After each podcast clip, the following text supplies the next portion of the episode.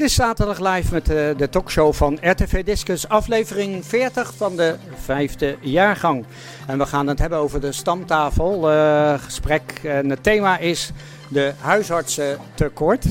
Maar ook uh, gaan we het nog een beetje hebben, dat, dat, dat dat heeft er uh, alles mee te maken, de werkdruk van de huisartsen.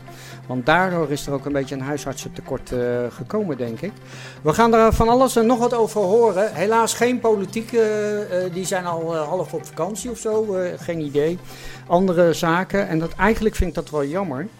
Want ja, het, het, is toch best een heel belangrijk thema. Maar in ieder geval hebben wij bereid gevonden. Hedwig Vos en zij is huisarts en hoofdhuisartsenopleiding bij het LUMC. En dat is het Leids Universitair Medisch Centrum. En die hebben ook een campus in Den Haag. Dus dat, nou, dat, ik zie het al knikken, dat gaat helemaal goed komen. En uh, Barbara de Doelder, en zij is uh, voorzitter van de coöperatie HADOX.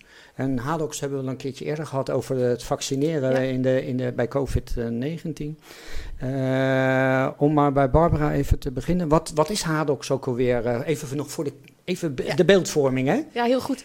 HADOX is de, is de vereniging van eigenlijk alle praktijkhoudende huisartsen van de regio. Dus dat is Den Haag, uh, maar ook Wassenaar, Voorburg, Leidschendam en Rijswijk. dus dat zijn eigenlijk al jullie huisartsen.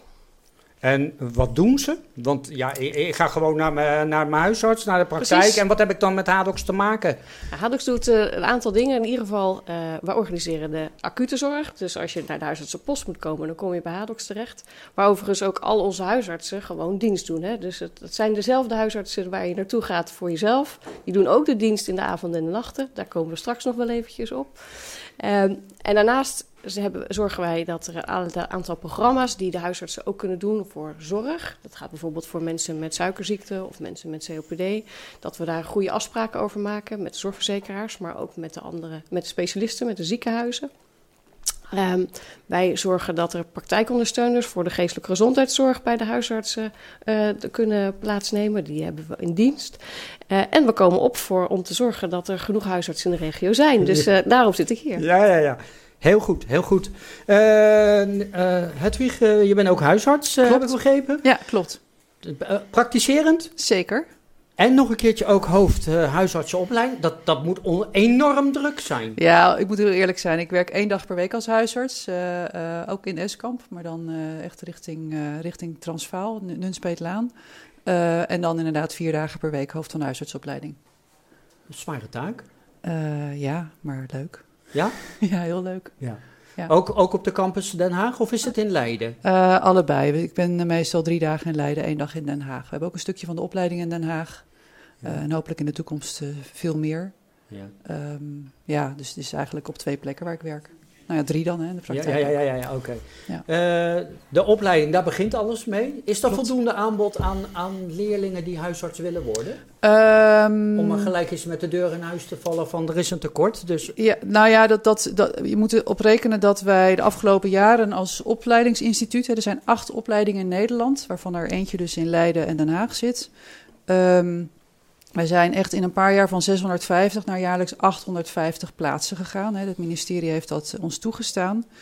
En, um, en het aantal sollicitanten neemt niet heel erg hard toe. Dus het zijn ongeveer 1000 uh, basisartsen die solliciteren voor de huisartsopleiding. Ongeveer 20% valt af. Dus die 850 plekken maken we niet vol. Um, maar die duizend is al heel erg veel, want ongeveer een derde van alle geneeskundestudenten gaat uiteindelijk voor de huisartsopleiding solliciteren. Dus we, ja, dat, dat, hè, er zijn heel veel, op, ja, heel veel artsen worden huisarts. Um, voor onze regio is dat geen probleem, want Leiden is een populaire regio. Wij hebben een relatief klein opleidingsgebied, dus weinig reistijden. Veel mensen wonen hier. Uh, veel huisartsen hebben een partner die ook al in de, in de regio werkt of zijn hier al heel erg gezetteld. Dus voor Leiden zitten we vol qua opleidingsplekken. Maar in het hele land, hè, vooral de, de, de regio's die minder populair zijn, hè, Groningen, Maastricht, uh, Twente, die zitten niet vol. Die zitten niet vol. Uh, is het ook zo dat, want ik dacht eigenlijk altijd, als je huisarts wordt, dat is standaard als je begint met medicijnen studeren. Eh, dan ben je als allereerste huisarts en daarna ga je pas specialiseren. Maar dat, nee, zit je al gelijk? Nee, nee, nee. Nee. Heb ik fout? Nee, jij ook. Dus. Ja, dat was Hoe- ooit. Dat was ooit wel zo, maar het Ja. is nu anders. Tot 50 jaar geleden was dat zo. Oh, sorry. Nee, maar onze opleiding bestaat, eh, bestond vorig jaar 50 jaar. Dus ongeveer begin jaren 70 is, eh, is eerst een eenjarige opleiding begonnen. Toen is het nog een tijdje twee jaar en al heel lang drie jaar. Eh, het is een specialisatie tot huisarts. Ehm, en het is een opleiding van drie jaar. eh, waarvan een huisarts een opleiding twee jaar bij een huisarts meeloopt... en één jaar eh, in het ziekenhuis en de GGZ in een verpleeghuis.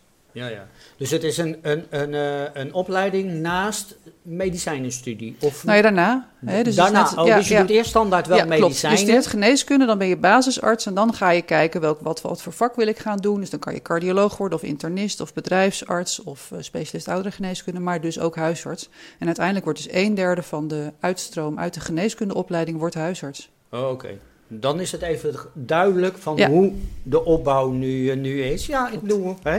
Nee, hele goede Ja. vraag. Heel veel, dat klopt, het, het is heel veel, eh, heel Eh, veel mensen. het- Er zijn nog steeds mensen die nadenken van je wordt standaard huisarts. En, en ehm, ja, had- je dan niks anders willen worden? Nou ja, in mijn geval, nee, ik ben heel blij dat ik huisarts ben. En jij? Ja, ik ben ook huisarts. Ja, ja. Dat, eh, ben ik eh, drieënhalve dag eh, ben ik in de praktijk werkzaam. En huisarts is echt het mooiste vak wat er bestaat. Het is een, een vak waarbij je heel dicht naast de mensen kunt staan. Waarbij je eigenlijk hele vrolijke dingen kunt meemaken en ook heel verdrietige dingen. Maar daarin wel een hele mooie en eh, nou, mooie rol kunt spelen voor mensen. Dus ehm, als je mij vraagt, had je een ander vak willen doen? Nee, nooit. Het mooiste vak eh, wat er bestaat is echt huisarts. Maar het, het, dat denk ik wel. Het, je- het moet wel een roeping zijn. Want ehm, het is wel een beroep waarvan je zegt... ja, dat ben je wel eh, bijna 24-7. Ja, het is, je bent het 24 uur 7. Dat, dat ben ik helemaal met je eens. Ehm, het is niet meer zoals vroeger dat je ook 24 uur 7 kunt verwachten dat patiënten aan je deur staan. Hè, dat is denk ik wel de afgelopen, nou ja, zeg maar 30 jaar een stuk, eh, stuk verbeterd. Maar eh, ja, eh, dokter en huisarts ben je eh, altijd. Dat zet je niet uit. En, eh, maar dat is maar goed ook. En dat, ik denk dat ook eigenlijk al onze collega's daar hetzelfde over denken. Dat, dat zit gewoon diep in je. Ja. Ehm, Zelfs op een verjaardagsfeestje bij je kennis en familie... word je Ja. er nog mee geconfronteerd met vragen, Zeker. denk ik. ja, Ja, hè? dat klopt. Ja. Ja, of appjes van familieleden, foto's van, eh, van hun kinderen met een bultje of een plekje. Dat klopt. Eh, Ja. En zelfs, zelfs eh, collega-specialisten die natuurlijk ehm, ja, heel erg goed zijn in hun eigen vakgebied, maar die nou ja, zogenaamde kleine kwalen, hè, de dingen waar de meeste mensen, hè, die, die het meeste voorkomen, ja, daar zijn wij toch wel specialist in. Ja. Hè, wat is dit voor bultje? Wat doe ik tegen hooikoorts? Wat voor pilletje neem ik daartegen? Dat, eh, ja, de gemiddelde specialist in het ziekenhuis weet dat niet altijd. Om maar eens gelijk ook eh, ja, een beetje de, een soort van eh, knuppel in het hoenderhok te gooien. Ik kan me dus eh, voorstellen dat, tenminste dat weet ik nog, in het verleden eh, een huisarts, dat was één persoon en eh, die was eh, de hele week eh, bereikbaar. En dat was het. En alleen dan s'avonds en in het weekend had je dus de, de, de weekend, de, de noodarts. Maar voor de rest, je had één huisarts. En wat zie je nu? Groepspraktijk, groepspraktijk. Dus als ik op dinsdag kom, heb ik arts A, kom ik op donderdag arts B. En, maar daardoor heb je toch ook meer huisartsen nodig door die groepspraktijken. Doordat veel meer eh, artsen in deeltijd zijn gaan werken. Dus hebben, jullie hebben het een beetje over jezelf afgeroepen. Nou, ik denk dat het zeker niet zo is dat er veel meer artsen in deeltijd zijn gaan werken. Oh. Eh, het is wel zo dat we inderdaad veel meer met als praktijk eh, voor je zorgen. Hè, het is niet meer één dokter en die is er en dan heb je nooit meer, er zijn geen anderen. Eh, en we hebben dat zeker de afgelopen jaren gezien, dat er steeds meer uitbreiding geweest is bij alle praktijken eigenlijk, van mensen die daar een bepaalde rol spelen. Ehm, maar dat heeft ook wel te maken met dat er steeds meer dingen zijn die we doen. Hè? Dus vroeger eh, was dat toch ook anders. Ehm, overigens heeft het ook voor, is dat ook wel de consequentie dat de praktijken niet meer dicht zijn. Hè? Dus waar je vroeger eh, je praktijk, je huisarts zei van nou ik ben drie weken op vakantie, alleen spoedgevallen, heb je nu heel veel praktijken die zeggen nou ik regel ook in de vakanties dat je altijd terecht kan. Ja. Dus er, er zitten natuurlijk altijd eh, plussen en minnen aan. Ehm, maar wat natuurlijk het belangrijkste is, is dat je ook als er een collega-huisarts is, dat je dan er echt van op aan kunt. Dat ze heel goed weten wie je bent, dat ze goed kunnen zien wat er, eh, wat er aan de hand is en dat ze het, eh, beleid gewoon kunnen vervolgen. Het is natuurlijk wel zo dat als je dat in ieder geval zo doen we dat bij ons. Uh, als je altijd bij één dokter komt, dan kom je bij voorkeur ook bij die dokter terug. Tenzij er iets is wat echt spoed heeft en wat je niet hè, kunt laten wachten. Uh, dus ja, heb je, uh, heb je een plekje op de huid, dan wacht je op je eigen dokter. En heb je iets poets, een snee in je hoofd, dan kan elke dokter dat doen. Ja, ja, ja. Nee, maar ik, ik, ik, maak het even een beetje ja. erger. Maar sommige mensen zouden die beeldvorming kunnen krijgen van... ja, het zijn nou allemaal groepspraktijken, ze werken maar parttime. Ja, logisch dat er ja. meer huisartsen nodig nou zijn. Ja, bij parttime, hè, gemiddelde huisarts werkt 45 uur. Dat, dat, dat, is, dat doe je ongeveer in 3,5 dag. Hè, ja. vier, vier, dagen, dan, dan zit je al op 45 uur met alles erbij. Dus ja, hoe parttime is dat? Hè? Dat vroeger huisartsen... Uh, uh, 70, 80 uur per week werkten. Ja, hoe gezond is dat? Niet. Met, met alle taken die we erbij ja. krijgen. Dat is ook een van de dingen die we roepen. Um, op het moment dat er zoveel taken bij ons op ons bord liggen, met alle diensten erbij, dan krijg je een, een, een vermoeide arts aan je bed. Ja, de vraag is of je dat moet willen. Um, dus het klopt inderdaad dat doordat we als artsen, als huisartsen, toch wat meer naar die werktijden zijn gaan kijken, heb je er inderdaad wat meer nodig wordt een solo, solo praktijk van vroeger. Hè, die, die, die, uh, nou ja, die, die, wat, wat vroeger, hè, de, man hè, van wie de vrouw de, de doktersassistente was en thuis alles, uh, alles regelde, wordt nu vervangen door vaak twee vrouwelijke, maar ook of mannelijke huisartsen die een heel gezin hebben uh, waarvan de partner ook werkt. Um, hè, waar, waarbij het heel anders verdeeld is en waarbij die 45 uur eigenlijk al best wel veel is, omdat het gewoon intensieve uren zijn. Um, ja, dat betekent dat er meer huisartsen nodig zijn. Daar is ook wel rekening mee gehouden. Um, maar goed, nu is er natuurlijk in een heel rap tempo zijn er zoveel taken bijgekomen dat we ook met wat we hadden berekend dat we nodig hadden nog steeds niet uitkomen. Ja. Geef, eens een, geef eens een inkijk in, uh, in al die taken die erbij gekomen zijn. Kan je dat schetsen? Nou ja, toen ik Administratief bijvoorbeeld? Ja, nou ja, als ik, als ik vergelijk met 20 jaar geleden, toen was ik in opleiding, toen had je de dokter, de assistenten en toen kwam ongeveer een beetje de praktijkondersteuner erbij. Nou, in, inmiddels is de hele diabeteszorg zo'n beetje overgeheveld naar de huisartsenpraktijk. De hele zorg voor mensen met hart- en vaatziekten. He, dus niet de acute zorg voor mensen met een hartinfarct, maar de zorg die je daarna krijgt. De mensen, mensen met COPD en met astma, he, dus met chronische longaandoeningen. Ja. De, kwet, de, de, zorg voor kwetsbare ouderen is allemaal bij de huisartsenpraktijk gekomen. De geestelijke gezondheidszorg met onze praktijkondersteuners erbij. He, dus nog even los van alle administratieve lasten is er gewoon heel veel zorg overgeheveld naar de eerste lijn. Uh, dat betekent dat ik dus nu in mijn praktijk, wij zijn met vier artsen, uh, drie, um, straks vier assistentes, twee praktijkondersteuners GGZ, één praktijkondersteuner somatiek, een praktijkmanager. En binnenkort ook nog een praktijkondersteuner die zich met het sociaal domein, dus meer met het maatschappelijke problemen bezighoudt. Dat is heel anders dan twintig jaar ja, geleden. geleden. Ja. ja, nou goed, en daar komt natuurlijk nog bovenop hè, alle administratieve ondersteuning, of uh, ja, administratieve rompslomp. Zoals bijvoorbeeld briefjes die we moeten tekenen bij bepaalde medicijnen die we voorschrijven. Of um, de toestemming die we moeten verlenen aan de thuiszorg om bepaalde handelingen te verrichten, waarvan we al lang hebben gezegd dat we die moeten doen. Um, nou ja, allemaal van dat soort uh, nou ja, dingen waar we inmiddels een paarse krokodilstempel voor hebben, die we er dan mooi op zetten. uh, ja. ja. Ja. ja, en daar komt dan nog bij dat we de afgelopen jaren ook hebben gezien dat vooral bijvoorbeeld in de geestelijke zorg, hè, de geestelijke gezondheidszorg, maar ook in de thuiszorg, dat daar enorme tekorten zijn. En waar wij heel goed zijn, is om te, om te zeggen van nou, hè, iemand heeft zorg nodig. En uh, daar, dat kunnen wij heel goed met iemand bepalen. Uh, maar waar we nu, wat we nu erbij hebben gekregen, is dat we ook nog op zoek moeten naar de plek waar die dan gegeven kan worden. Uh, dus waar we vroeger zeiden van nou, er is thuiszorg nodig, dan, dan zeiden we tegen de, de wijkzuster, god, uh, ja. er is zorg nodig. En is het nu zo dat niet, niet alleen de eerste, de tweede of de derde of de vierde de instelling die we bellen om te vragen of ze thuis kunnen verlenen, zeggen dat ze geen plek hebben, maar misschien ook nog wel de vijfde. En dat, gaat, dat kost uren en uren. Ja. En dat zien we natuurlijk ook in de, in de zorg voor de, hè, de geestelijke gezondheidszorg. Nou, we weten allemaal dat Parnassia als hele grote organisatie hier in de regio... heeft al een aantal keren echt een stop gezet op het aanmelden.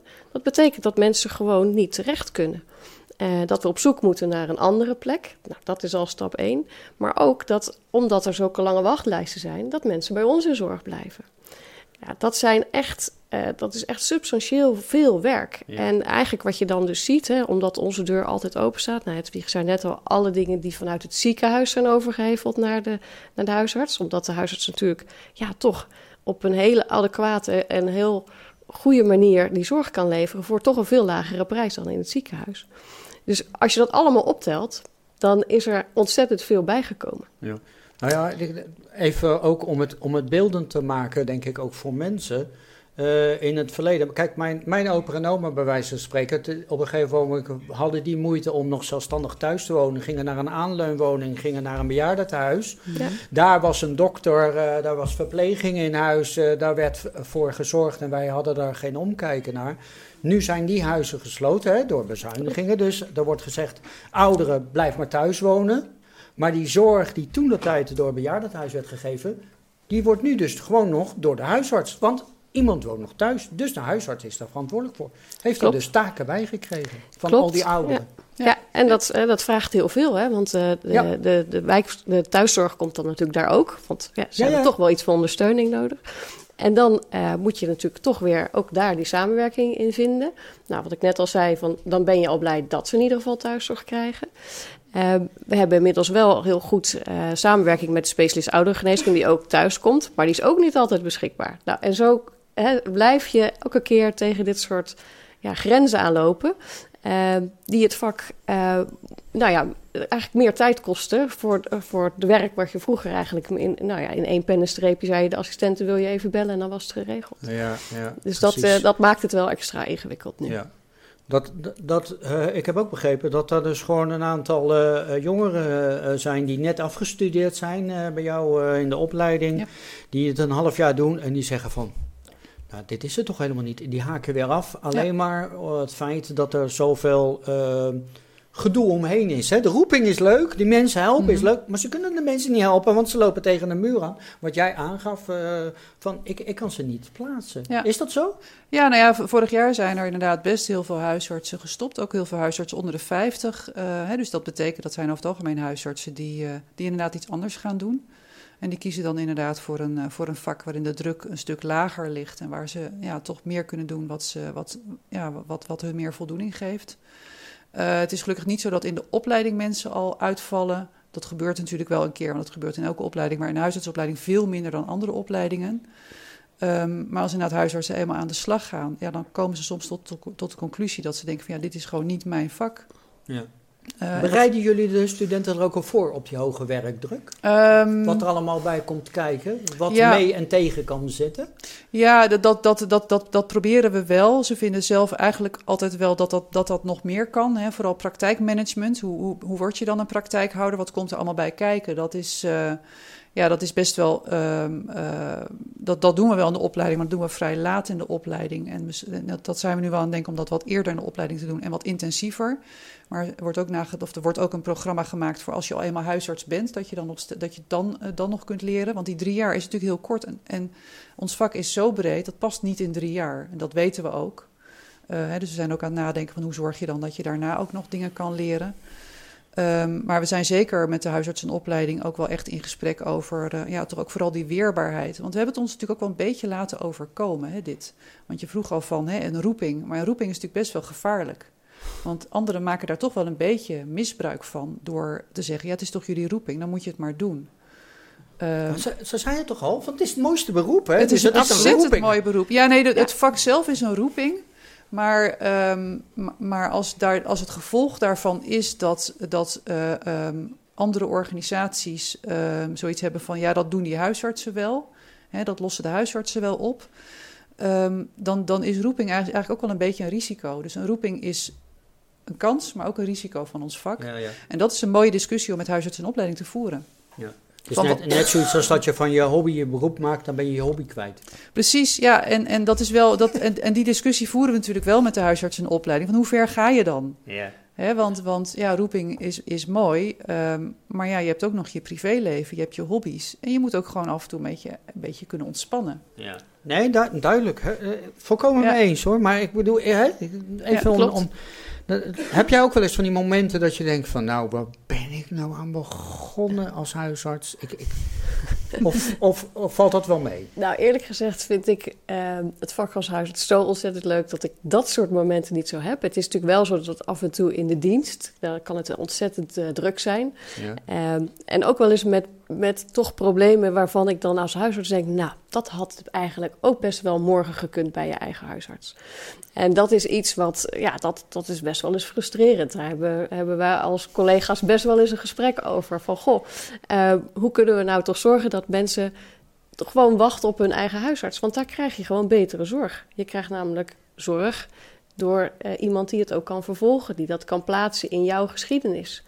In plaats van zaken die, uh, die dan opeens opgelost moeten worden, die vaak natuurlijk veel beter de volgende dag kunnen worden opgelost.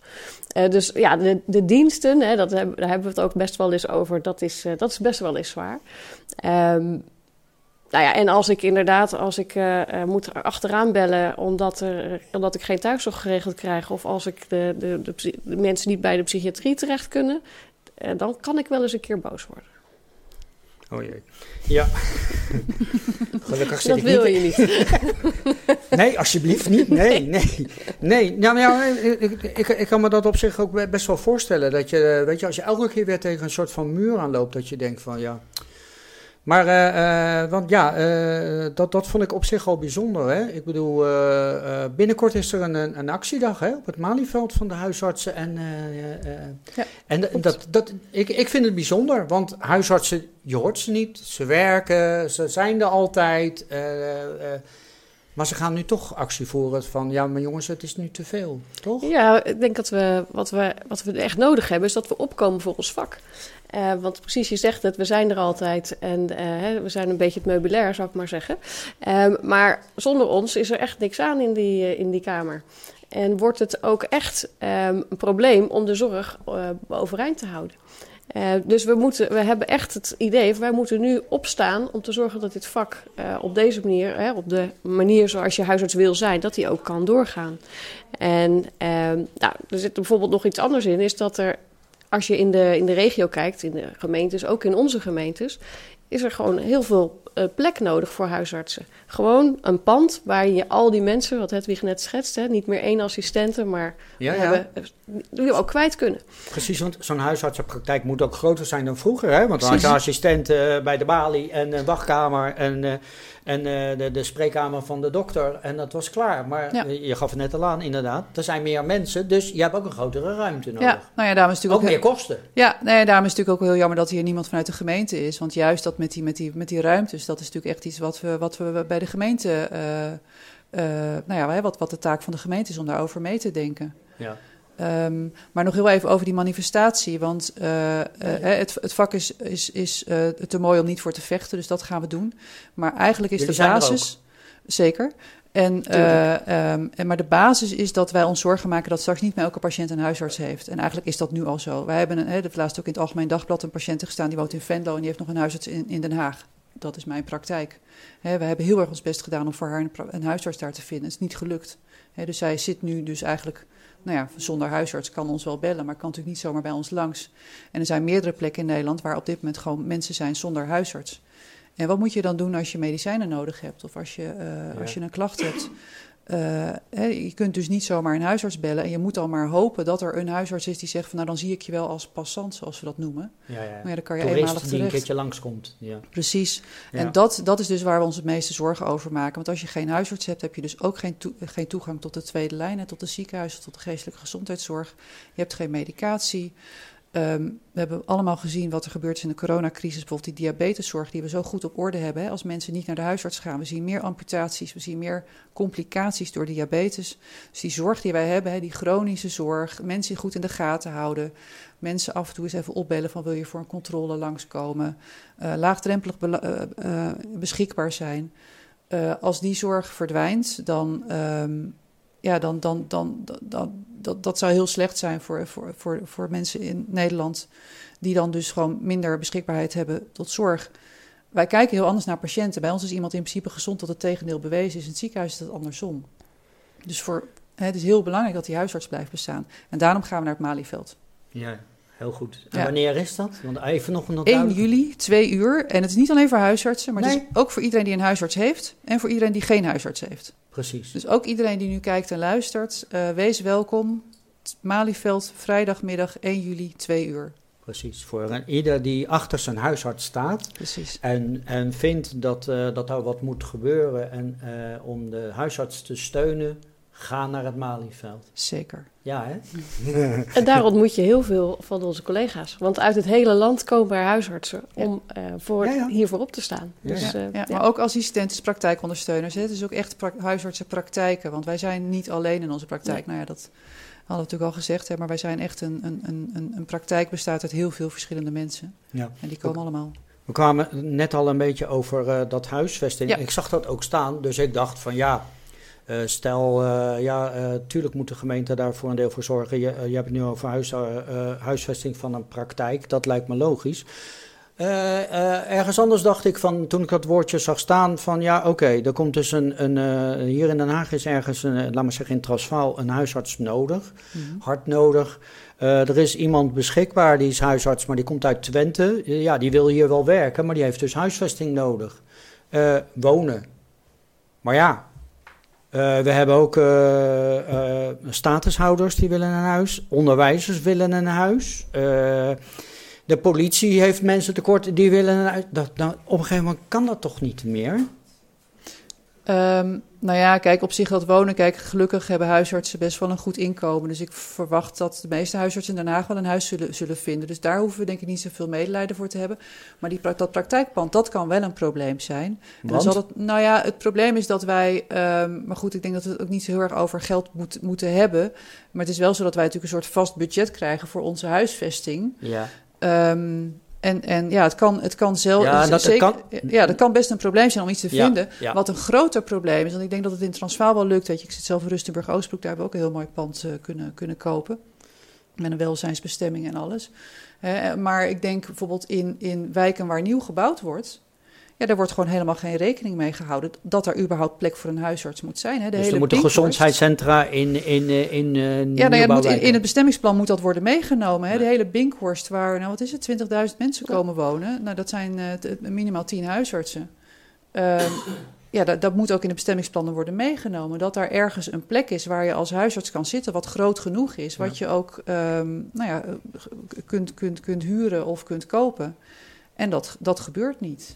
Dat is eigenlijk wel een mooie taak voor Hadox, denk ik. Hè? Want jullie zijn een soort van koepel, want dat zei je net, voor de Haagse eh, huisartsen. Dus op het moment als jullie zoiets zien, gaan jullie dan ook bij de gemeente van... hé, hey, eh, wacht even, Ja. daar komt er een hele wijk bij, maar hoor, eh, hebben jullie rekening gehouden dat er een gezondheidscentrum Ja, absoluut. Dat is eh, absoluut het gesprek wat we voeren met alle wethouders. Ja? Ehm, nou ja, dat is nog wel moeizaam. Want Ja? eigenlijk zeggen ze, nou, daar, daar is een vastgoedontwikkelaar en die, eh, die heeft wel een pand, maar dat gaat dan inderdaad voor de commerciële prijzen.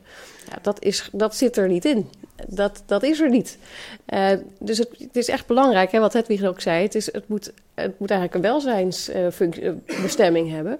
En ik denk ook dat dat noodzakelijk is, want in elke wijk heb je als basisvoorziening gewoon, net zoals een, een lagere school, eh, net zoals eh, een winkel, heb je een huisarts nodig, heb je huisartsenzorg nodig. Dus dat dan maar aan de markt overlaten is volgens mij een, eh, is, echt, is, is echt een fout. Dat, dat is toch... Het verbaast mij eigenlijk, eerlijk gezegd. En ik, ik denk dat, dat jullie dan hetzelfde hebben. Als je zo'n reactie van de gemeente ziet en van de wethouders van... ja, ga maar naar, naar, die projectontwikkelaar, eh, regel het daar maar. Ja, tot nu toe is het zo. En dat is ook wel de reden dat we ehm, een brief hebben gestuurd naar alle ge- gemeenteraadsleden. Dus van alle gemeenten. Hè, dus niet alleen Den Haag, maar ook Ja, Wassenaar, Rijswijk, Voorburg, Leidschendam. Eh, met de oproep om hier echt nu in hun, al hun bestemmingsplannen rekening mee te houden. Om te zorgen dat je overal waar je een wijk neerzet, maar ook waar je eh, wellicht in hun ogen wat geringe uitbreiding eh, hebt, dat je zorgt dat daar goede voorzieningen zijn Ja. voor de ook, eerste ook bij verdichting van een, van een Precies, woonwijk. ja, ook daar. Want eh, per 2000 eh, patiënten heb je gewoon echt een volledig werkende huisarts nodig. Nou, dat betekent als wij hè, de aankomende jaren gaan we nog best heel veel groeien in deze, in deze regio. Dan heb ik het nog niet eens over dat we ook allemaal ouder worden. Nou, dat, hè, wat je net schetste. Ja. Als je ouder wordt en je blijft thuis wonen, is, er- heb je daar ook meer zorg voor nodig. Ja. Eh, dus ja, het wordt eh, alleen maar belangrijker dat je zorgt dat in alle wijken eh, een huisarts gewoon een goede plek heeft. Ja. Ja, het is nogal wat zeg. Eh, Eh, wat kunnen jullie nog meer doen uh, dan, uh, dan een brief sturen naar de, naar de, naar de raadsleden? nou, we actie voeren, ja, dat Actie voeren, ja? daar zijn we ook heel goed in. Nou, dat is dus iets wat we, nieuws wat we nu gaan doen. Um, nou, daarnaast hebben we bijvoorbeeld met alle collega's in de, in de regio heel recent een grote bijeenkomst gehad over hoe gaan we nou zorgen dat die huisartsen in de toekomst beschikbaar blijven. En er zit natuurlijk wel wat meer in dan, ook huisvest, dan alleen huisvesting. Ja. Het zit er ook in hoe we anders gaan werken hoe kunnen we bijvoorbeeld digitale middelen nog wat meer inzetten? Nou, ik denk dat al heel veel mensen herkennen dat ze langzamerhand kunnen inloggen bij hun huisarts. Dus bijvoorbeeld online een afspraak kunnen maken, dat ze eh, medicijnen kunnen aanvragen. Uh, maar ook een, eh, een, consult kunnen doen online. Dat zijn allemaal dingen die ook kunnen helpen om de zorg, waar het kan, digitaal makkelijker te maken. Nou, dat zijn dingen waar we ook de huisartsen natuurlijk wel weer in mee moeten nemen. Ja, maar en de patiënten? En de patiënten. Dat, uh... ja. Nou, ik moet nou ja, eerlijk zeggen dat heel veel patiënten um, zijn heel, heel erg gewend om met hun telefoon van alles en nog wat te regelen. Um, dus het, het, het, is zo dat er. nou, het valt mij in ieder geval uh, op dat heel erg veel mensen daar eigenlijk heel gemakkelijk mee uit de voeten kunnen. Um, als je het, maar je moet soms wel even aanbieden en zeggen van nou joh, het kan ook zo en zo. En dan, dan gaat het echt uh, beter. En als ze dan zien dat het werkt, dan, uh, dan is het niet zo moeilijk om vol te houden. Nee, ja, maar ik kan me ook iets bij voorstellen dat je denkt van ja, digitaal consult. Ik wil de dokter gewoon toch even, weet je, even... Uh, ja. Gewoon uh, in die kamer even één op één zitten en niet, niet via een cameraatje. Maar dat, dat, dat mag ook. Maar ik merk ook. ook. dat heel veel patiënten, dat doen we en op de huisartsenpost, maar het, ook, ook in de praktijk, even een foto sturen van een plekje. Mensen zijn heel blij dat, je, dat ze dan niet naar de huisarts hoeven komen daarvoor, maar gewoon heel eventjes een foto sturen en dan krijgen ze advies. Dat, is, dat, ja, hè, dat scheelt heel veel tijd. Dus, dat uh, dat wel weer, ja. Dat is, ja, dat is dan hè, want je moet dan wel helemaal naar die dokter toe. En dat is natuurlijk altijd op het moment dat het jou niet uitkomt. Ja. En hè, stuur even een foto, stuur even een mailtje. Ik heb, hè, mijn mensen kunnen beveiligd mailen. En dat vinden heel veel mensen vinden dat heel fijn. Want ze weten dat ik dan die mail beantwoord. Dus ze hebben toch contact met die dokter die ze kennen. Ja. Ja, ja. Um, en ze hoeven niet langs te komen. Ze krijgen op, dat, op het moment dat, dat ze zelf uh, ervoor kunnen kiezen, kunnen ze dat, uh, dat berichtje lezen. Ja, en dat, en dat, ja dat, maar dat, ik denk haast allemaal dat dat toch uh, mensen zijn van uh, 50 jaar jonger. Nee. Nee? Absoluut nee, niet. En ook niet allemaal mensen die hoge opleiding nee. hebben gedaan. Nee, nee, dus dat, nee, het is echt, echt, echt heel veel. En, en het is voor iedereen is dat verschillend. Maar ik heb echt ook mensen die, die ouder zijn, die op die manier uh, communiceren. En ja, soms ook niet. Dus dat, maar dat weet je, dat is natuurlijk, nou ja, dat is weer het mooie van ons vak. Wij, wij leveren persoonsgerichte zorg. Dus wij doen echt er kunnen drie mensen met dezelfde klacht op het spreekuur zijn en alle drie krijgen ze van mij een ander beleid. Maar ook voor dit soort dingen, hoe je met mensen omgaat, hoe ze contact kunnen nemen, dat kan op zoveel verschillende manieren. En iedereen heeft daar zijn eigen, heeft, heeft zijn eigen voorkeur. En dat willen we ook graag zo houden. Ja, nee. Ja. ja.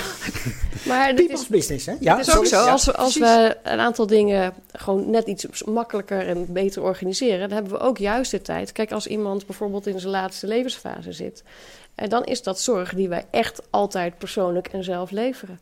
Maar we willen wel heel graag zorgen dat we daar ook echt tijd voor hebben. Dus als ik je dan een keer met een plekje kan helpen, gewoon door een foto te beoordelen. Uh, maar vervolgens, als er echt iets aan de hand is waarom, waarvoor we elkaar kunnen zien en daar dan ook de tijd voor hebben, is dat mij wel wat waard. Ja. Uh, je zei er net ook uh, in een eerder antwoord, en dat, dat vond ik eigenlijk ook wel een, een, mooie, dat je, dat je wel eens een soort van kromme tenen krijgt dat iemand die dus bij jou komt en dan denkt van ja, je had het morgen ook gewoon naar je eigen huisarts kunnen gaan, want zo ernstig was het eigenlijk niet en dan, dat had mijn hoop gescheeld. Maar die patiënt is natuurlijk niet vakbekwaam. Nee. Die kan dat niet beoordelen. Op het moment als ik ergens dus ben en ik, ik kom een, een medische uh, zaak tegen, ik kan niet beoordelen of dat heel ernstig is of niet.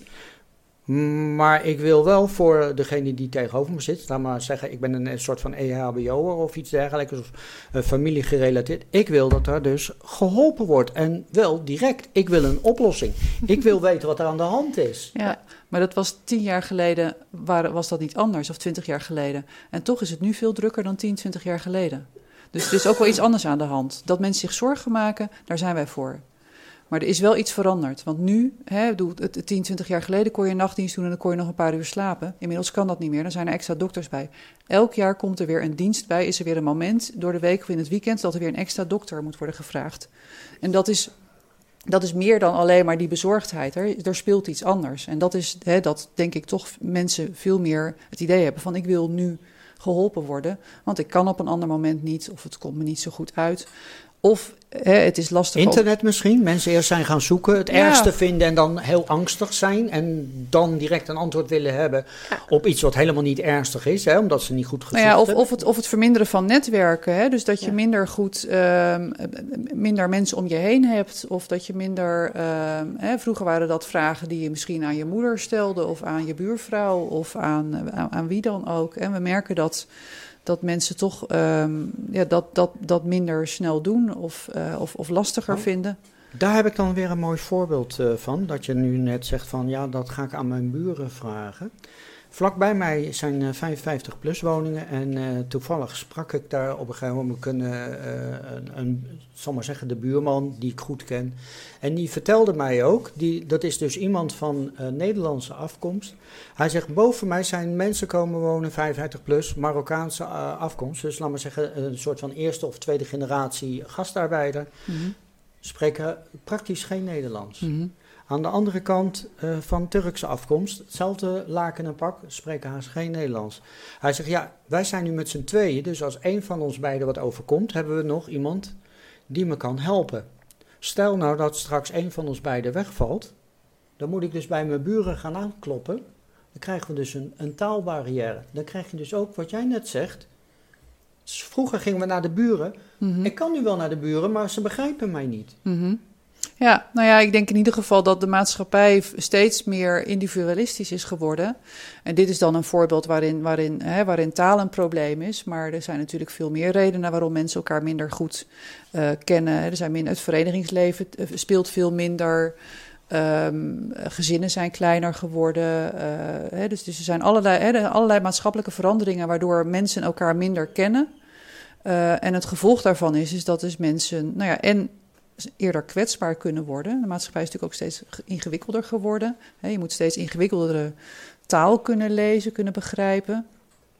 Um, en dat maakt dat mensen dus inderdaad eerder terugvallen op, op allerlei uh, instellingen, zoals de huisarts, maar dat geldt natuurlijk voor heel veel andere maar instellingen ik, ook. Wat ik dus net schets, ja. de, de taalproblemen, uh, ik denk dat jullie dat in de praktijk ook wel eens meemaken met een patiënt die bij je komt waar je heel moeilijk mee kan communiceren, omdat hij de taal niet machtig is. Dat betekent dus ook, want uh, per patiënt heb je dus een, een x uh, hoeveelheid tijd. Hè, van de zorgverzekeraar krijg je dat volgens mij uh, opgelegd. Van nou, je mag zoveel tijd aan besteden.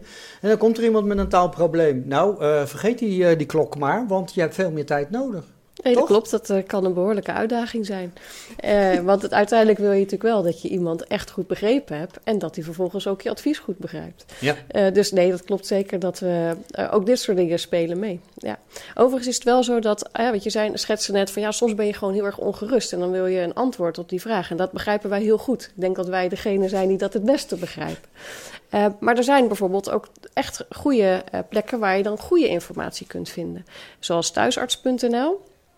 Dat is een website waarin je eigenlijk voor heel veel uh, aandoeningen, uh, klachten kunt vinden. Wat is hier nou, wat moet ik daar nou mee doen? En een andere, als je meer als je wil weten van moet ik er nu mee naar de dokter, is uh, moet ik naar de dokter.nl. Okay. En dat is een, echt, zijn echt hele mooie en betrouwbare sites waar je dus echt informatie kunt vinden. En niet, hè, nou ja, Pietje had dit en, en Puk had dat. Nee, en dat was allemaal heel verschrikkelijk ernstig. Nee, gewoon echte betrouwbare informatie waarin de dokters, hè, wij als artsen ook echt helemaal achter staan. Uh, dus dat is zeker uh, een hulpmiddel als je zegt van nou, ik ben nu, hè, er gebeurt iets, ik maak me zorgen. Um, kijk daar eerst eens of je op dit moment al wel moet, moet gaan bellen.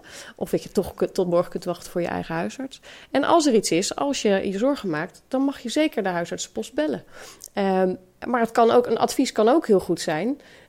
nou, kijk het aan tot morgen. Dat is heel vaak het goede advies.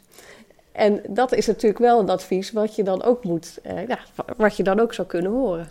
Ja, ja, ja. Nou, dat is juist uh, wat ik wel eens ook in mijn omgeving hoor. Juist het advies waar mensen dus nog angstiger van worden. Van ja, kijk het maar even aan tot morgen. En dat ze dan zoiets hebben.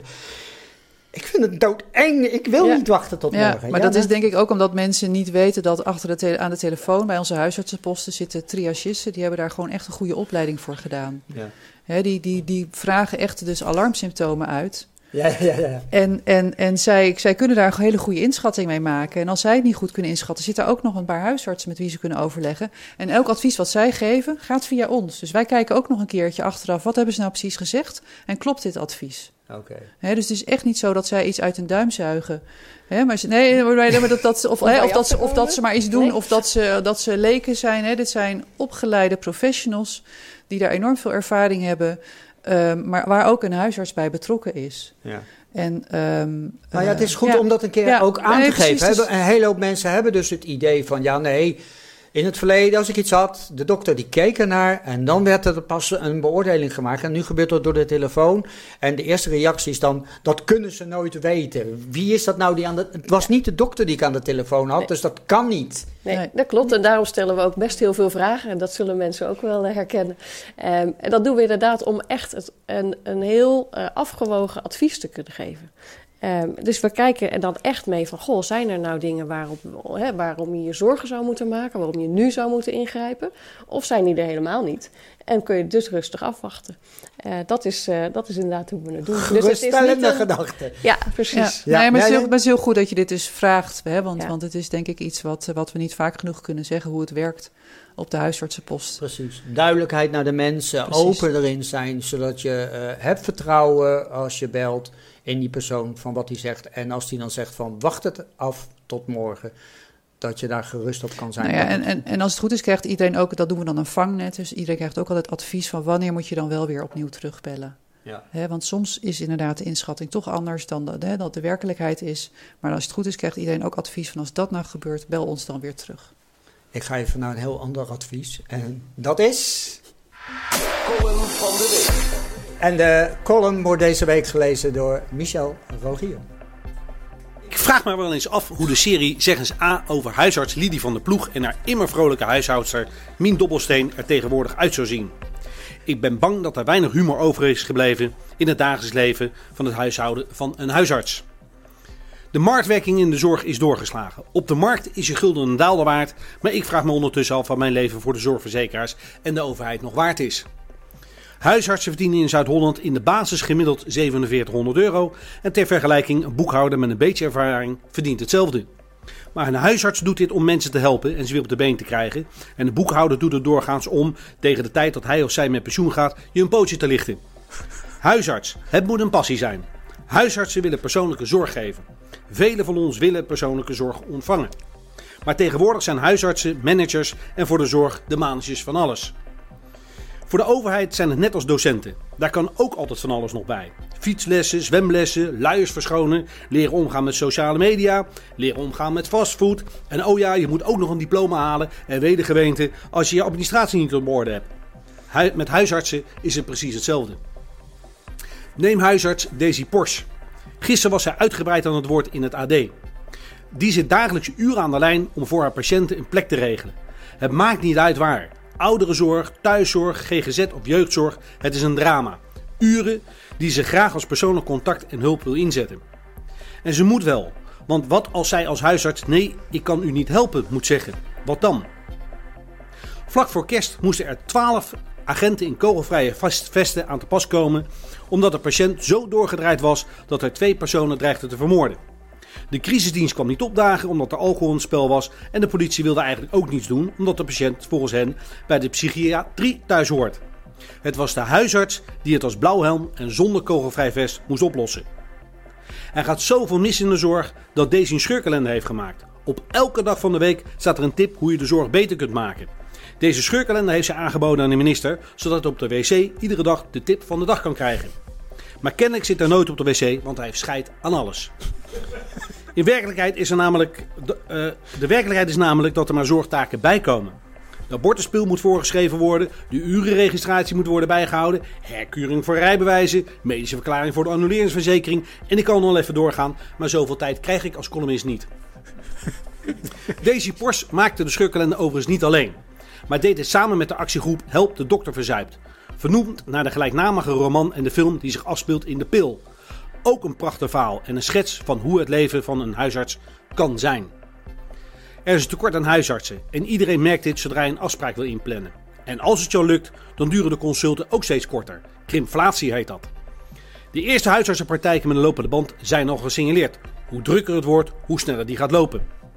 En het gaat nog drukker worden, want er komen steeds meer mensen in Den Haag wonen. Terwijl steeds meer jonge huisartsen de stethoscoop aan de wil hangen. Het is ook zakelijk niet meer vol te houden. Verzekeringsmaatschappijen die de huisartsen moeten vergoeden, gaan er namelijk vanuit dat deze praktijken in maatschappelijk vastgoed zitten. Dream on. Dat was in de tijd van de wederopbouw, toen we nog geen mar- marktwerking hadden. Toen de mist nog zo dik was dat je je brommer er tegenaan kon zetten.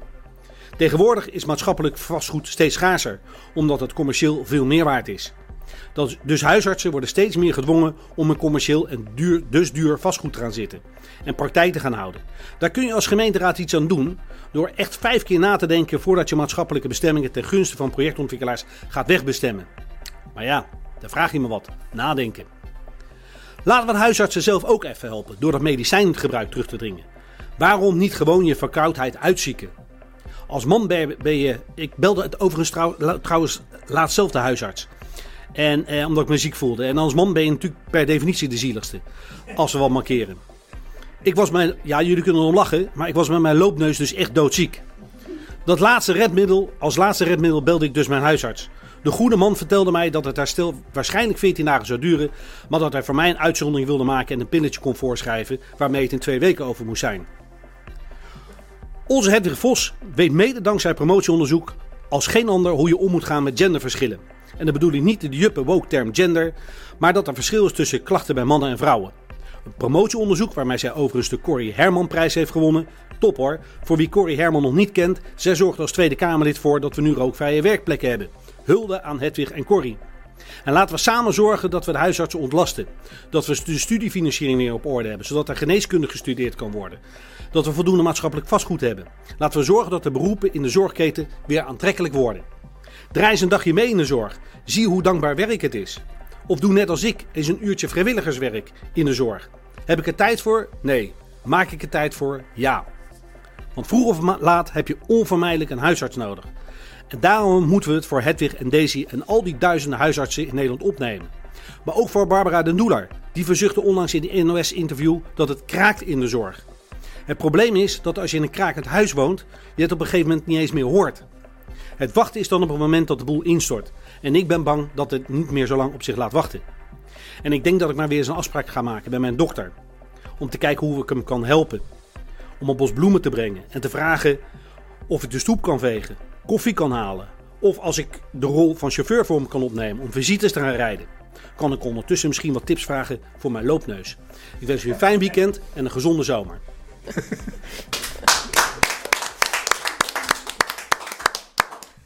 Geweldig, Micha. Altijd weer. Supermooi. Nou, de, de, de lachers op je hand. Hè? Maar goed, in ieder geval eh, vanaf maandag is eh, de column na te lezen op onze website www.rtvdiscus.nl. Dat wist ik helemaal niet, dat je zelfs promotieonderzoeken gedaan hebt. Eh, Michel, die geeft dat even aan. Ja, hij heeft zich goed verdiept inderdaad. Ja, Ja. dat klopt. Ja, ik ben inderdaad gepromoveerd op verschillen tussen mannen en vrouwen. Ja, dat wist ik ook al. Ik heb bij biologie goed opgelet. Die, verschillen had ik nog wel gevonden. Maar Ja. er is dus meer dus. Nou ja, we weten dat, dat, eh, dat vrouwen weliswaar ouder worden, maar langer in ongezondheid leven. En, ehm, en ik heb vooral gekeken wat zijn dan als huisarts goede momenten. Hè? Vrouwen komen ook vaker bij de huisarts dan mannen. Wat zijn goede momenten om, eh, om voor vrouwen iets te doen? En uiteraard eh, zijn er ook onderzoekers die kijken naar hoe je dat voor mannen moet doen. Oké. Want die moeten natuurlijk ook niet eh, Nee. in de steek laten. Nee, nee, nee, nee. nee. Nou, eh, eh, kort geleden eh, is dat ook meer bekend geworden, onder andere bij eh, cardiologie. Hè? Dat, Ja, eh, dat er duidelijk verschil is in, eh, in klachten tussen Ja. mannen en vrouwen. En dat vrouwen op een, eh, eh, om het zo maar te noemen, een mannenmanier aangepakt wordt. En dat het eigenlijk Ja. helemaal niet goed is in de Ja. cardiologie. Klopt. Ja, dat klopt. Ja, eigenlijk is het zo dat al het onderzoek wat vroeger gedaan werd, werd gewoon op mannen gedaan. Dus alles wat we weten, eh, gaat daarover. Ja, ja. En inderdaad, bij, met name bij, eh, eh, bij hartproblemen, dus acute hartproblemen ook, eh, zie je gewoon een ander beeld bij vrouwen. Ja. Inmiddels is dat gelukkig bij de huisartsen wel bekend hoor. Ja? Ja, jullie hebben bijscholing daarover gehad, hè? Ja, dit is, eh, dit is absoluut een, eh, nou ja, echt een, dat was een hiaat en nu is het, een, eh, is het weer up-to-date kennis, absoluut. Ja, ja. Ja. Ja, eh, eh, hij gaf het ook al aan, hè? De, de, de huisvesting, eh, een probleem. eh, nou ja, van alles en nog wat. Eh, eh, waar hopen jullie op? Want ja, je kan wel zeggen van ja, we willen dat. Maar waar, waar, hopen jullie op dat er gaat gebeuren, ook na de actiedag? Uh, ja, er zijn eigenlijk een aantal dingen die we, die we hopen. En aan de ene kant uh, weten we gewoon dat als we meer ruimte krijgen in de praktijk voor meer tijd voor de patiënt, die zijn al net die 10 minuten. Als je daar nou een kwartier van maakt, dan weten we gewoon dat we daarmee mensen beter kunnen helpen. Um, we hopen erop inderdaad dat de huisvesting, dat daar een aantal stappen in worden gezet. Uh, dat de thuiszorgpartners en ook de, de geestelijke gezondheidszorg uh, beter georganiseerd gaat worden. En dat zijn allemaal manieren eigenlijk om te zorgen dat huisartsen uh, dat vak, dat ze niet meer daar tegenop gaan zien, dat ze die drempel niet meer gaan zien, maar dat ze dat vak gewoon weer willen gaan uitoefenen, zodat we kunnen zorgen dat gewoon alle mensen die in Nederland wonen ook een huisarts kunnen krijgen. En jij daar nog een aanvulling op misschien? Um, nou ja, waar, waar, precies waar ik heel erg op hoop is dat het, dat het, het, het, het vak in de gezondheidszorg en vooral in de eerste lijn, dat, um, dat, dat, dat mensen dat heel erg graag moeten gaan willen doen. We hebben niet alleen maar meer huisartsen nodig, maar ook meer doktersassistenten, meer praktijkondersteuners.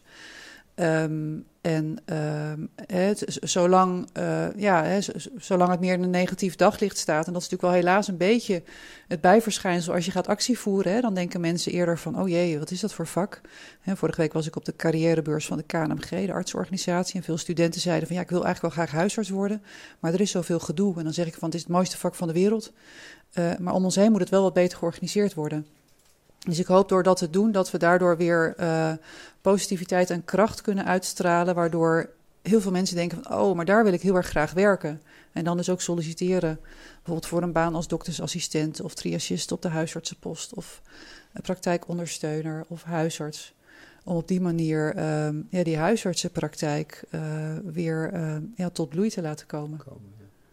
Uh, je gaf net al aan, hè, de, de, meer mensen ook om die huisarts heen. Uh, die hebben daar ook een opleiding voor nodig. Uh, ja. Ben je daar ook bij betrokken? Of, is dat enkel, of zijn dat andere onderwijsinstituten die dat geven voor triagisten en ja, nou ja, dat, assistenten? Nou ja, dat zijn, dat zijn wel andere onderwijsinstellingen. Vanuit Hadox is er ook wel contact mee. Dus ik denk dat Barbara daar beter antwoord op kan geven. Ja. Ja, er zijn, uh, wat we bijvoorbeeld aan het doen zijn, is dat mensen die zij instromen, dus, mensen die eerst een ander vak hebben en denken, nou die zorg is eigenlijk toch wel veel mooier. Daar, daar, heb ik het echte contact, daar kan ik echt van meerwaarde zijn. De, de, boekhouder ten opzichte van de dokter, ik denk dat dat wel een mooie vergelijking is. Um, daar laten we mensen in zij stromen en die komen dan ook bij huisartsenpraktijken die ook zeggen van nou, wij willen deze mensen graag opleiden. Dus dat is trouwens ook nog een taak die wij in de huisartspraktijk hebben, is ook de mensen weer opleiden. Hè? Huisarts in opleiding, de doktersassistent in opleiding. Uh, maar dat is uh, zeker, zoals mensen zeggen, nou, dit is eigenlijk toch wel een heel mooi vak. Uh, meld je aan. Er zijn, Waar? Je, je, kan dat doen bij, nou bij Havens kan het sowieso, maar bij de ROC's en bij de, de Capabel, ja? gewoon dat soort instellingen, die hebben dit soort zij-instroomprogramma's. Ja. Oké, okay, mooi. En uh, ja, uh, we schieten al een heel eind op in, in de tijd. Maar ik, ik wil het toch nog één keer uh, noemen voor, voor iedereen die, die achter zijn huisarts staan. Er is een actiedag. Waar is die? Hoe laat is die? Zeg het maar. Roep het maar. Vrijdag 1 juli. Tussen, vanaf 2 uur tot 4 uur op het Malieveld. En het zou het ontzettend fijn vinden als je komt. Uh, laat je laat zien dat je achter je huisarts staat. Uh, en als je geen huisarts hebt, dat je er heel graag een wil. Uh, want uiteindelijk is dat toch wat we met z'n allen nodig hebben. Ja. iedereen, voor iedereen een huisarts, dat is waar we voor moeten gaan. Ja, precies. Ik hoop in ieder geval een beetje dat we hier een, een mooie aanzet meegegeven hebben. Trouwens ook voor diegenen die denken van ja, allemaal wel leuk. Ik wil, ik wil huisarts worden. Hoe, hoe gaat dat? Um, als je huisarts wil worden, uh, nou ja, dan moet je natuurlijk beginnen met geneeskunde studeren. Als je dat hebt gedaan en je wil graag uh, de opleiding gaan doen, dan kun je bij Huisartsopleiding Nederland solliciteren. Twee keer per jaar is de mogelijkheid voor het solliciteren. En dan, uh, dan krijg je een gesprek en, en dan mag je aangeven waar je graag die opleiding wil doen. En op basis van een loting word je dan ergens geplaatst. In Maastricht. Ik wil graag naar Maastricht. Ja, nou dan moet je dat aangeven. kan dat? Dat kan. Ja. dat is in Maastricht ook een opleiding. Ook in Maastricht. Zeker. Maastricht, Groningen, Amsterdam, noem maar op. Ja. ja. Nee, ik denk dat het voor mij een beetje te laat is.